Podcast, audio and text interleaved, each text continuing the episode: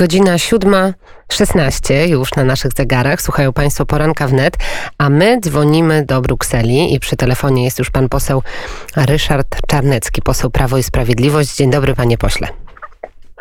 Witam panią, witam państwa w rzeczy samej ukłony z Brukseli.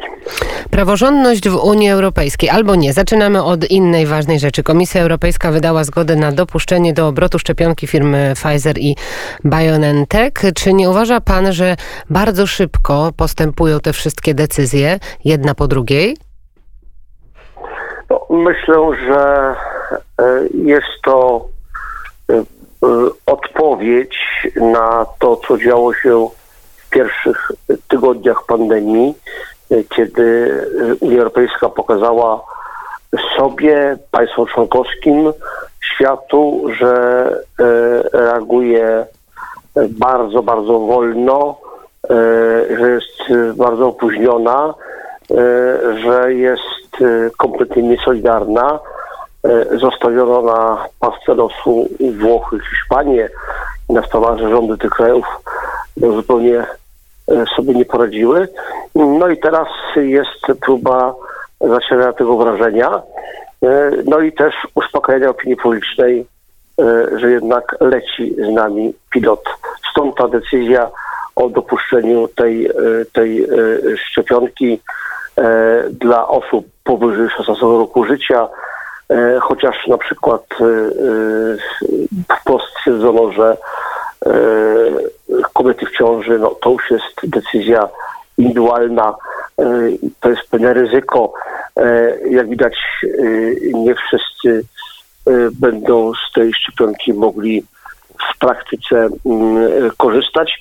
Szczepionka będzie podawana, że była skuteczna, a ma ponoć 95% skuteczności, będzie podawana dwukrotnie w odstępie co najmniej trzech tygodni ma być dostępna w tym samym czasie. Tutaj nie ma lepszych i gorszych według e, e, Komisji Europejskiej, która potwierdziła wcześniejsze ustalenia EMA, e, czyli e, specjalnej unijnej agencji do spraw leków.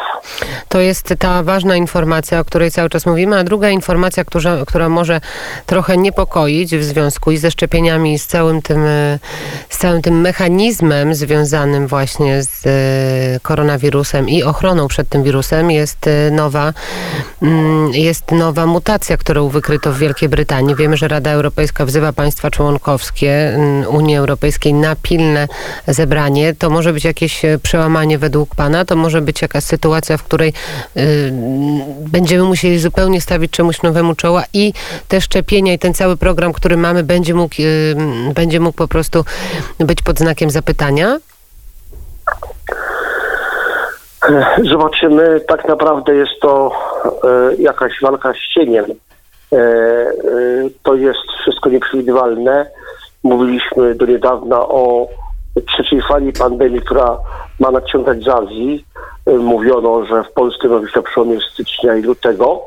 E, tymczasem e, już do tego do niby to e, stabilnego planu e, trzeba dołożyć zupełnie nowe wyzwanie.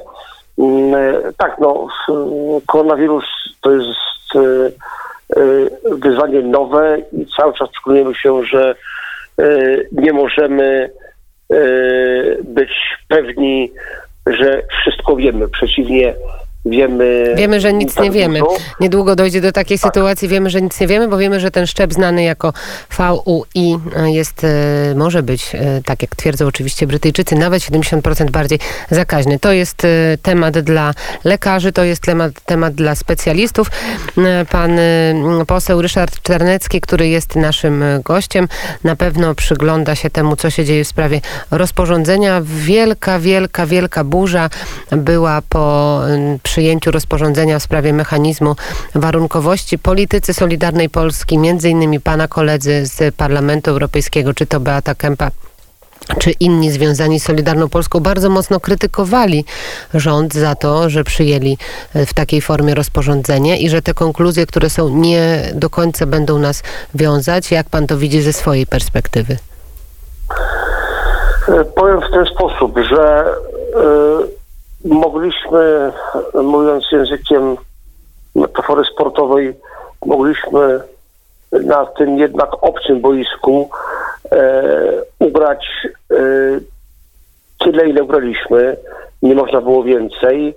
E, e, premier Viktor Orban w takich prywatnych rozmowach podkreślał, że jest alternatywa. Albo będziemy mieć pieniądze i będziemy mieć dalej problemy, albo nie będziemy mieć pieniędzy i będziemy mieć dalej A problemy. co mówił pan premier Mateusz Morawiecki? E, Przepraszam? Mówi pan, co, mówi pan o tym, co mówił premier Viktor Orban, a co mówił premier Mateusz Morawiecki? No, y, to co mówił premier Orban przed chwilą, to, to mówił w kuluarach, nie powiedział tego publicznie. E, wybrano wersję tą pierwszą. E, Premier Morawiecki podkreślał e, w zasadzie to, co y, również mówił Jarosław Kaczyński, że mm, y, nie można było uzyskać więcej. E, Ja powiem w ten sposób. Mm, E, gdyby Unia Europejska raczyła respektować to, co zostało podpisane w zeszłym tygodniu, czyli konkluzję szczytu Rady Europejskiej, to byłoby super, bo to oznaczało, że nikt nam tych Czyli to jest, ale to jest tak brzmi, panie pośle, trochę jak takie pobożne życzenie. Jak będą respektować, to będzie Nie, no, super, jako- a jak nie będą respektować, to nie będzie super. I co wtedy, jak nie Znaczy, będą raczej Nie jako respektować? życzenie, tylko jako ocena praktyka. Dobrze, jest to panie pośle, a jak nie będą respektować 16 tych... jak się Unia zachowuje. Wiemy, my też wiemy, przyglądamy się. Co się stanie, jak Unia Europejska nie będzie respektować tych, y, tych konkluzji? Znaczy, no, przypomnę, że w lipcu szczyt Rady Europejskiej e, za drugim podejściem uchwalił pewne konkluzje, które po kilkunastu dniach zostały zanegowane przez Parlament Europejski, a następnie po kilku tygodniach przez prezydencję niemiecką. I można powiedzieć, że te konkluzje wytarto sobie buty. E, czy będzie tak teraz? No cóż. e, Może uważam, być podobnie. tego wykluczać. Rozumiem, może Nie, być, nie tego wykluczać. może być podobnie, nie możemy tego wykluczać, to mając taką perspektywę i mając takie doświadczenia, dlaczego zgodziliśmy się na te konkluzje, a nie obstawaliśmy przy wecie, które tak mocno było w Polsce promowane, które było popierane przez dużą część społeczeństwa też? E, To, że o wecie mówiono, było to bardzo, uważam, dobrą taktyką negocjacyjną, ponieważ gdyby nie straszono wetem, e, Warszawa i Budapeszt nie straszyły wetem, e, to e, myślę, że nie byłoby takiego kształtu konkluzji, byłyby one znacznie gorsze. Natomiast to, co zostało przyjęte, to wygląda nieźle. Rzecz w tym, że skoro Unia Europejska lub poszczególne duże kraje członkowskie Unii, e, te największe kraje będące płatnikami netto, Niemcy, Francja, nie tylko, e, przez ostatnie lata, a także instytucje unijne, pokazują, że, że traktaty europejskie, traktaty europejskie, a więc no, regulacje najwyższego rzędu są obchodzone, naginane albo wręcz łamane, no to także konkluzje Rady Europejskiej, e, mówiłem o lipcowych, były w zasadzie Ale- zupełnie nierespektowane. Tak. Więc tak samo może być teraz w najbliższej przyszłości. Panie E, pośle, wiesz, tylko... też tego spodziewam. Tylko właśnie o tym mówili politycy Solidarnej Polski, żeby jednak zawetować to, mm, zawetować ten budżet, żeby jednak nie zgadzać się na to, co jest, bo w każdej chwili te pieniądze, które na razie przez chwilę mamy przyznane, w każdej chwili mogą nam zostać odebrane. I co my wtedy zrobimy? E, no, w każdej chwili nie, dopiero jak te konkluzje szczytu europejskiego zostały rzucone do kosza na śmieci, e, dopiero ewentualnie wtedy. No, na razie uzyskaliśmy sukces w postaci e, może mało entuzjastycznej, ale akceptacji Komisji Europejskiej dla e, wyników tego szczytu. Komisja Europejska stwierdziła, że przyjmuje do wiadomości, tak trochę przez zęby, ale jednak przyjęła do wiadomości to, że ten mechanizm prawo- praworządnościowy czy powiązanie budżetu z praworządnością, szeroką zmianą e, ma wyrwane kły. E, Natomiast ja się spodziewam, że Parlament Europejski, z tym zasiadam od lat parunastu, e, będzie starał się e, e, storpedować, wsadzić w powietrze te konkluzje. A wracając kiedy będzie głosował? Tak? Wr- Wracając do Pani pytania, bo nie, nie uciekam. E, dlaczego się zgodziliśmy? Ponieważ już wcześniej cytowałem premiera Orbana, groziło nam to, że przy wecie i tak by to weto zostało mm, e, to byłoby obejście tego weta, czyli nie mielibyśmy pieniędzy e, mimo weta, a tak przynajmniej te pieniądze e, póki co. Czyli weto e, jest, rozumiem, instrumentem martwym. Nie no, pieniądze są konkretne. E, natomiast e, jeżeli pani zapyta, czy ja się spodziewam, że będą próby ich e, zabierania, tak, myślę, że tak może być. Ale nie, bo mówi pan o tym, panie pośle, jeszcze, że weto nie miałoby znaczenia. Czyli instytucja weta jest martwa, tak, de facto w Unii Europejskiej. No bo skoro pan mówi, że, że mimo, mimo jego postawienia obeszliby nas, inne kraje by nas obeszły i byśmy nie dostali pieniędzy, więc y, możemy sobie w ogóle między bajki włożyć, tak, weto, jakiekolwiek. Gdy chodzi o takie weta praktyczne, bo przecież to nie jest tak, że Polska... A są jeszcze weta e, niepraktyczne, tak? Znaczy nie, e, panie doktorze, jeżeli pani pozwoli, to skończę jednak. Mianowicie to jest tak, że weto jest używane bardzo często w Unii Europejskiej, tylko o tym się nie mówi specjalnie, bo, bo jest e, ta, ten instrument używany do różnych takich regulacji no, mniej spektakularnych, mniej głośnych niż unijny budżet. E, e, Polska jest na ósmym miejscu w Unii Europejskiej, jeśli chodzi o używanie weta. Dużo więcej e, wetowane były różne regulacje unijne ze strony dwukrotnie więcej niż z Polski, Francji, Belgii. Niemcy też więcej wetowały niż Polska, więc to weto jest normą.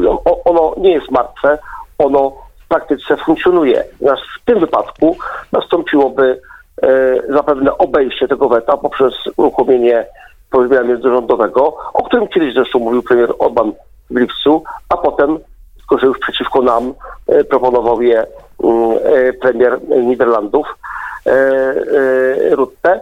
Mm, I, i no, myślę, że to, co jednak u ram na szczycie brukselskim było w praktyce jedyne do osiągnięcia, co nie oznacza, że zapewnia nam spokoju w Unii Europejską, zapewnia nam idyllę, bo i nie zapewnia, bo w moim przekonaniu Unia Europejska, czy też poszczególne duże kraje, które mają to największy wpływ, starają się ograniczyć konkurencyjność Polski e, i tą polityczną, geopolityczną i gospodarczą może zwłaszcza Mm, i dlatego też Unia będzie do tego używana. Zobaczymy, jak to wszystko będzie wyglądać w praktyce. Bardzo dziękuję. Pan Ryszard Czarnecki, europoseł Prawo i Sprawiedliwość. Dziękuję i pięknych i spokojnych świąt, bo bardzo. raczej się nie będziemy słyszeć. Wszystkiego dobrego. Godzina Nie. 7.29 jest na naszych zegarach, a dzisiaj jest wtorek. A jak jest wtorek?